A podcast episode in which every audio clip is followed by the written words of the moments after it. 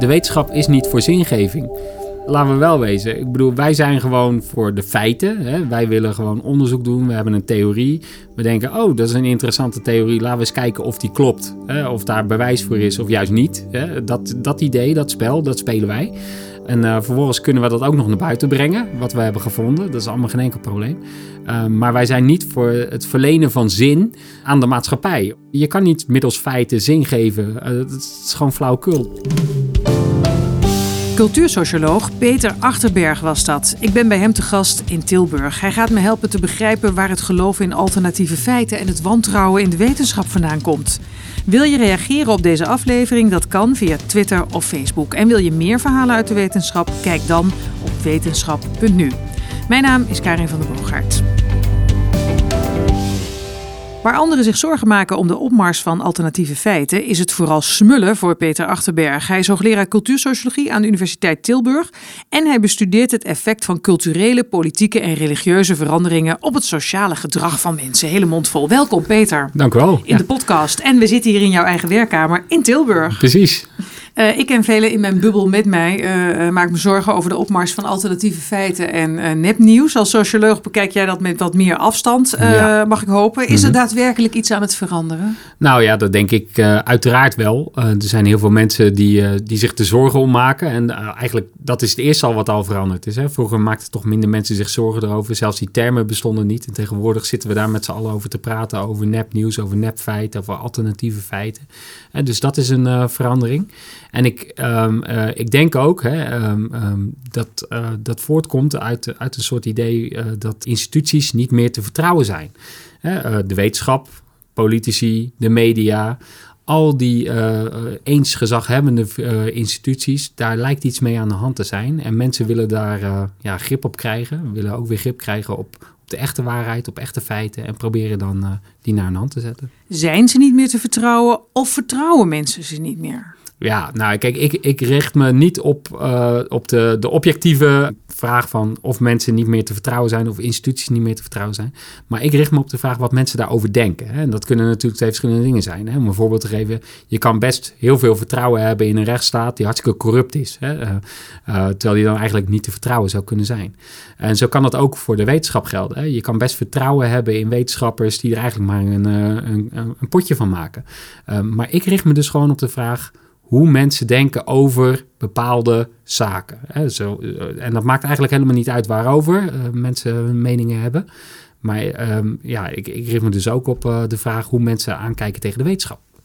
Jij zei net tegenwoordig, maar wij hebben elkaar al eerder over dit onderwerp Precies. gesproken. Ja. Drie jaar geleden. Ja. Is er in de tussentijd iets veranderd? Is het erger geworden? Nou ja, kijk, eerlijk gezegd, dat is een uh, moeilijke vraag om uh, te beantwoorden. Zeker als je uh, kijkt naar het empirische onderzoek daaromtrent het is lastig. Hè? Dus het, het, is niet zo dat in de loop van de tijd het vertrouwen enorm uh, in de wetenschap enorm naar beneden aan het kukelen is of zo. Hè? Dat is niet zo. Maar er lijkt wel wat anders gaande, namelijk dat er in toenemende mate een soort polarisatie is. Dat er mensen zijn die veel vertrouwen hebben en misschien zelfs wel meer vertrouwen krijgen in de wetenschap. Maar tegelijkertijd dat er tegenover een groep mensen staat uh, waarbij het vertrouwen in de wetenschap juist af aan het nemen is. Hè? En ik denk dat dat er wel aan het veranderen is.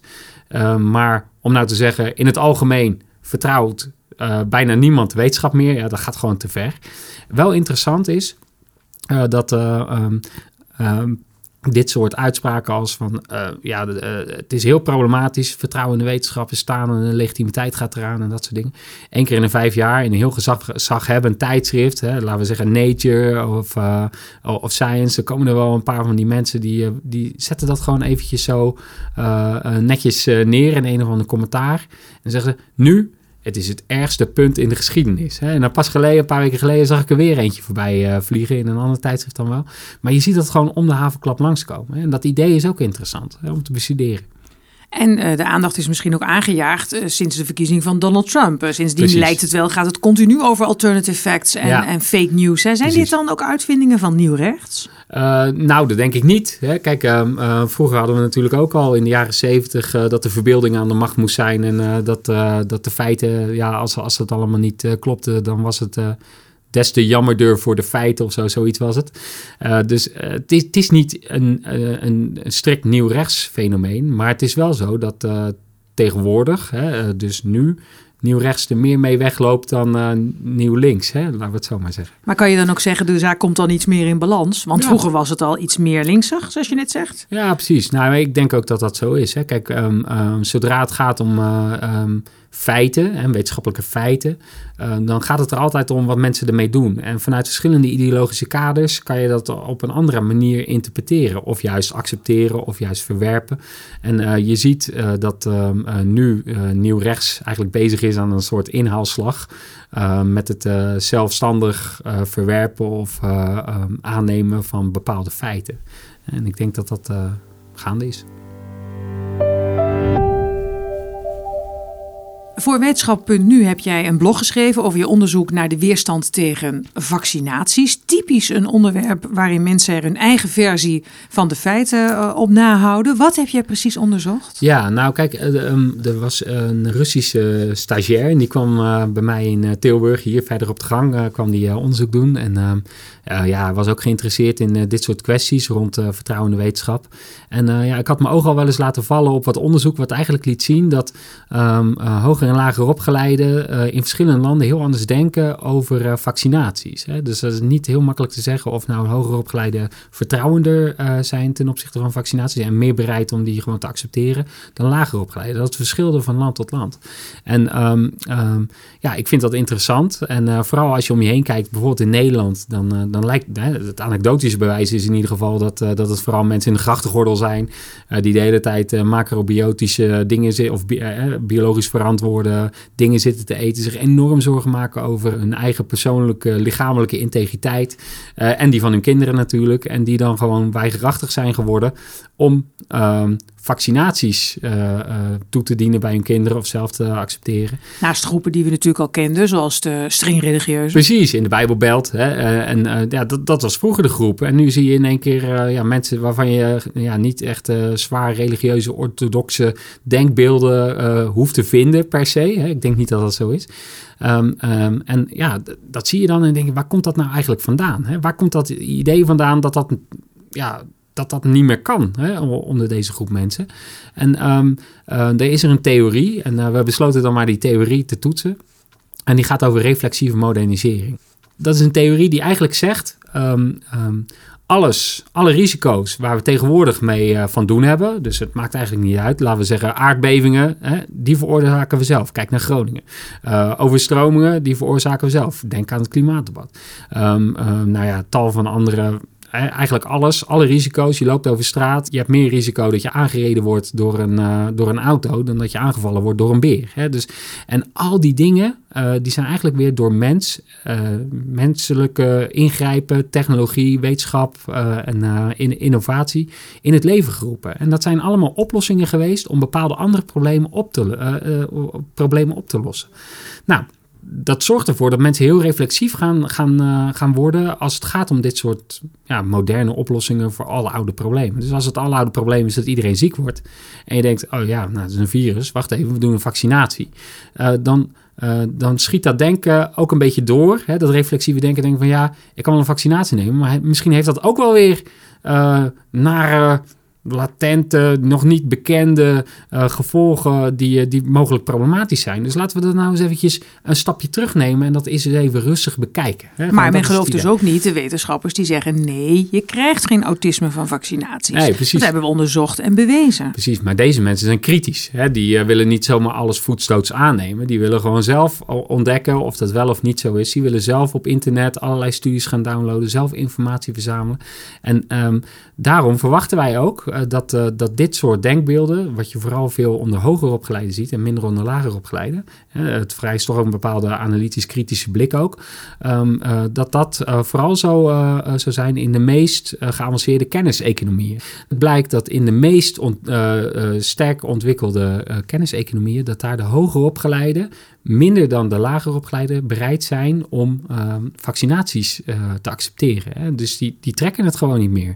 En daar, daar draait het aloude patroon. Want vroeger was het zo dat hoger opgeleiden juist meer uh, um, steunend waren richting dit soort initiatieven. Daar draait het patroon eigenlijk om. En daar zie je dat de lager opgeleiden meer dan de hoger opgeleiden dit soort uh, ja, vaccinaties nog willen. Dus je zou kunnen zeggen dat die misschien wat extra kritischer blik van die hoogopgeleide juist leidt tot een soort uh, omkering. Dat ze denken, hé, hey, maar wacht even, klopt het allemaal Precies. Ik had een, uh, een, een, collega bij de Erasmus uh, en die was ervan overtuigd dat brood gif was. Uh, maar toen s'avonds zat ik op Facebook te kijken. En uh, toen zag ik dat die persoon toch maar langs de HEMA was gegaan om even zo'n lekkere halve rookworst. Eh? En, en, en, toen dacht ik, nou, dat is toch ook wel interessant hè, hoe dat dan werkt. En er zijn mensen die zijn eigenlijk, hè, het was ook een hoogleraar, die zijn, zijn hyperrationeel, we worden in ieder geval zo geacht te zijn. die kunnen heel goed nadenken over oorzaak-gevolgrelaties. En weet ik, dan hoef je, ja, hè, dan mag je voetstoots aannemen. In ieder geval uh, het zal niet uh, ondergemiddeld zijn. Maar tegelijkertijd um, uh, ja, lijkt hier in één keer heel wat anders aan de, aan de hand te zijn. Hè? Gewoon vet, wat vroeger dan fout was. Nou, ja, lekker zo'n vetter ook. Was, het is wel lekker, joh. Maar dan niet op een broodje. Dit soort dingen zie je heel vaak bij hoger opgeleide plaatsvinden. Hè. Dus het is gewoon uh, debatten over voedsel, debatten over wat gezond is, debatten over vaccinaties. Dat zijn juist de hoger opgeleiden die daar het meest kritisch zijn. En lager opgeleiden die gooien er nog een zak chips in en die blijven lekker doorvreten. En eh, ja, gewoon dat, dat, dat vind ik interessant, hoe dat dan werkt. We hadden het net over nieuw rechts. Als we dat even in dit kader bekijken, onder de aanhangers van Thierry Baudet bijvoorbeeld, Forum voor Democratie, bevinden zich veel hoogopgeleiden die klimaatskeptisch, nationalistisch en tegen migratie zijn. Ja, precies. Maar um, um, ik, ik, denk uh, dat het, uh, ja, punt 1, het is natuurlijk altijd mogelijk dat er um, uh, mensen zijn die hoger opgeleid zijn en tegelijkertijd zich niet precies zo um, um, aan de onderzoeksresultaten houden of zo. Een beetje afwijken van de onderzoeksresultaten of afwijken van de algemenere trend. En um, wat je ziet met klimaatskepsis, dat, uh, dat dat vooral ook gedragen wordt onder door lager opgeleiden en niet per se door hoger opgeleiden. Wat eigenlijk de vraag oproept, ja, hoe kan het dan dat er zoveel hoger opgeleiden zijn die ook met Thierry Baudet en allerlei nieuwrechtse uh, andere figuren denken van ja, donder anders even lekker op. Ik denk zelf, moeten we wel meer onderzoek naar doen. Um, ik denk zelf dat het een soort cultureel kapitaaleffect is. Hè? Dus als je zou uitsplitsen bijvoorbeeld naar opleidingsrichting, als je zou kijken naar um, um, uh, naar wat voor soort opleiding ze hebben. Dat, het, uh, dat de kans heel groot is dat het geen sociaal-wetenschappelijke opleiding is geweest. Maar eerder een, uh, nou, laten we zeggen, een technische opleiding of een economische opleiding of zo. En in ieder geval waar, waar minder, waarin minder het besef constant wordt, wordt aangeleerd. Dat alles wat wij hier om ons heen zien ook maar gewoon ja, een sociale constructie is. Ook maar aangeleerd door, uh, door, door de omstandigheden waarin je dan toevallig hebt gezeten. Dat de mens een bepaalde invloed heeft op, op alles. Hè? Dus op cultuur, maar ook op economische kansen, op, van, op levensduur en weet ik wat allemaal. Maar dat, dat daar eerder een, een wat positivistischer wereldbeeld aan ten grondslag ligt, uh, waarbij de dingen gewoon nog zijn en onveranderlijk zijn en ook vanuit zichzelf kunnen veranderen. Hè? En precies die ideeën zie je bij het klimaat veel. Hè? Dus uh, aan de rechterkant zie je, zie het idee dat niet de mens uh, de beïnvloedende factor is. Dus soms wordt er wel eens gezegd, ja, het klimaat verandert wel. Maar dan is het nog niet de mens die daar invloed op heeft gehad. Hè, middels allerlei, uh, ja, laten we zeggen, koolstofdioxide-achtige um, producerende apparaten of zo. Uh, maar in ieder geval dat dat komt door het klimaat zelf en niet door de mens. Hè. En dat is typisch uh, wat, je, wat je ook vindt, dit soort denkbeelden, onder mensen die minder cultureel kapitaal hebben en een opleidingsrichting hebben die niet sociaal-cultureel van aard is. Dus je zou misschien ook nog moeten uitsplitsen naar de opleiding Juist. die ja. erachter zit. Ja, ik denk dat dat belangrijk is. Ja. Alleen ja, het jammer is voor mijn onderzoek tenminste dat uh, dit soort grootschalige datasets als uh, waar ik het net over had, dat daar vaak uh, minder aandacht voor is. Hè, en dat we daar niet goed mee, mee uit de voeten kunnen. In dit onderzoek ging het om de zogeheten antivaxers, zouden ja. ze gaan noemen. Hè? kun je hun wantrouwen vergelijken met dat van bijvoorbeeld klimaatskeptici, waar we het net over hadden, en mensen die geloven dat de aarde plat is?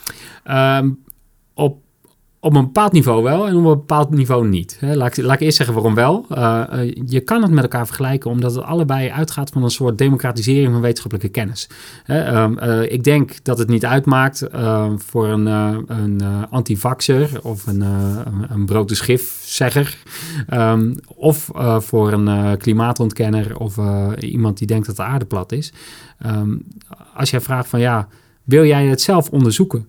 Dan zullen ze allemaal zeggen ja, Ik wil dat zelf onderzoeken. Hè. Ik wil niet dat iemand anders mij die kennis aanreikt. Ik geloof helemaal niet wat die gasten daar in de universiteit of KNMI of uh, IPCC, wat ze allemaal zeggen.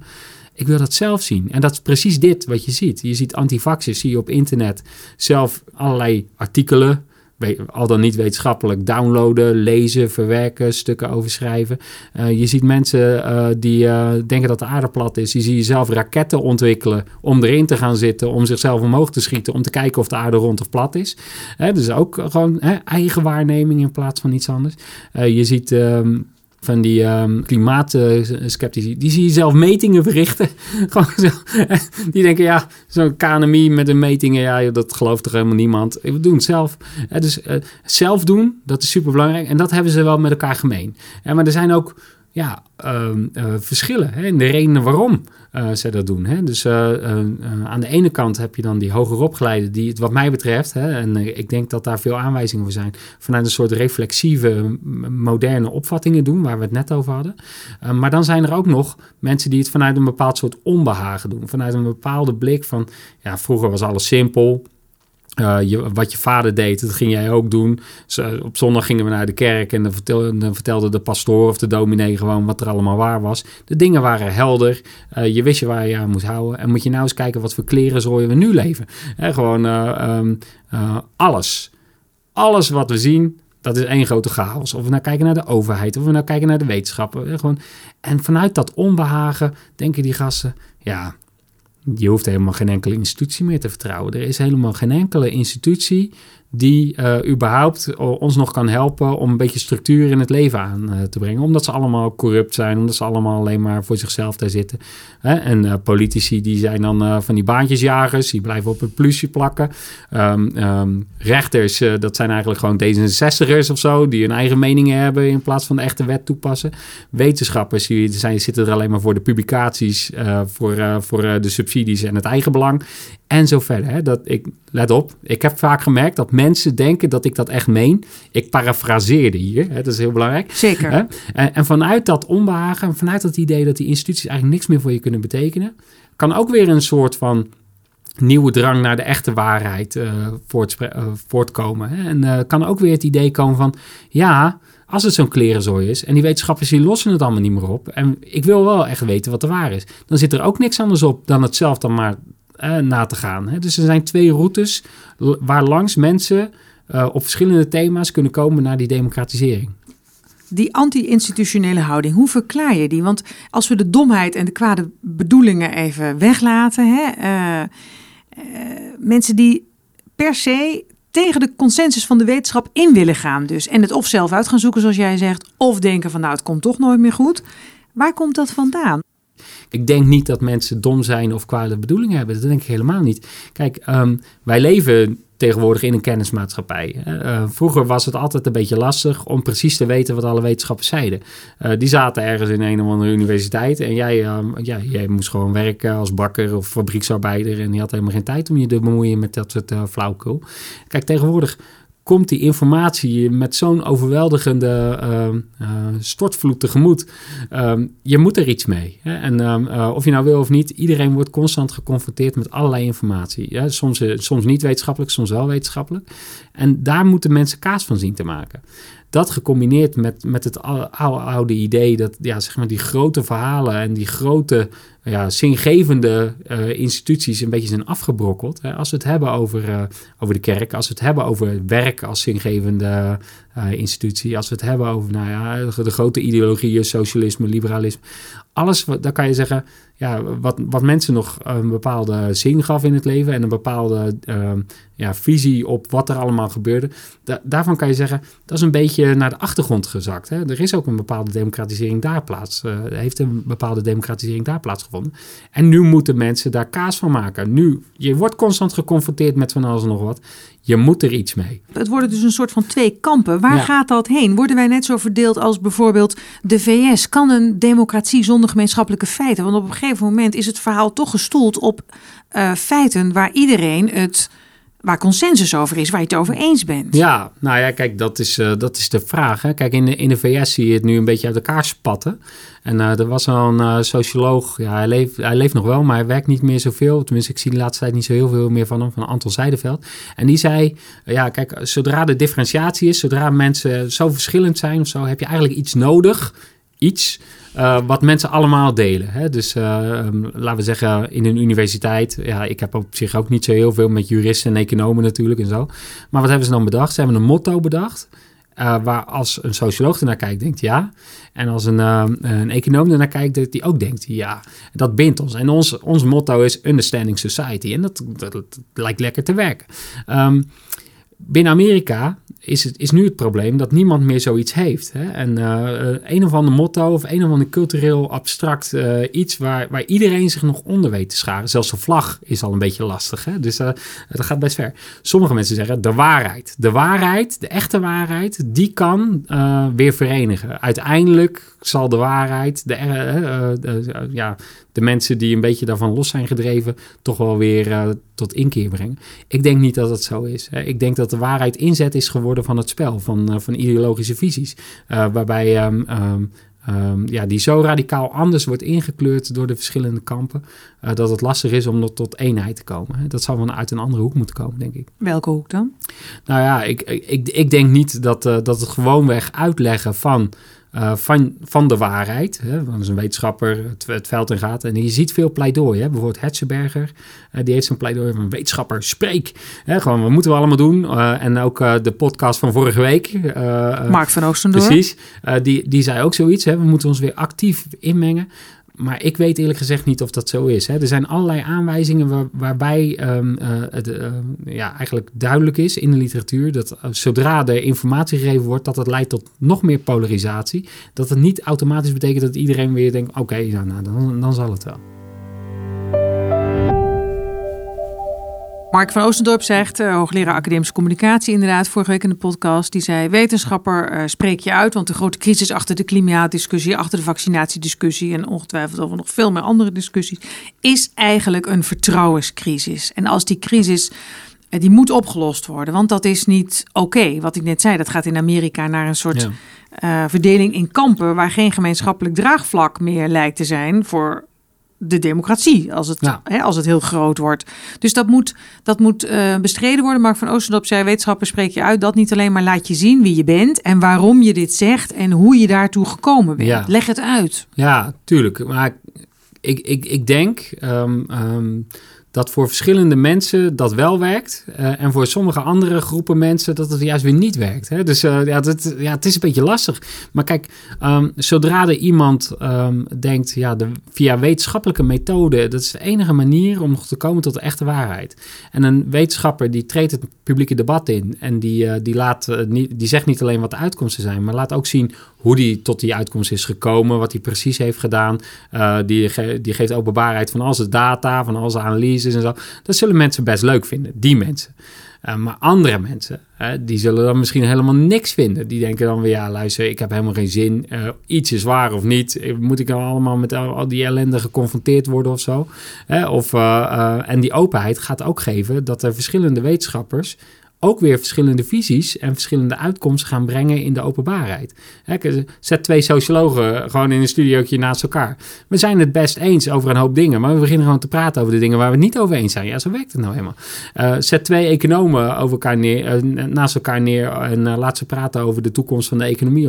Grote interpretatieverschillen zullen ontstaan. En dat is interessant, dat is interessant aan de wetenschap.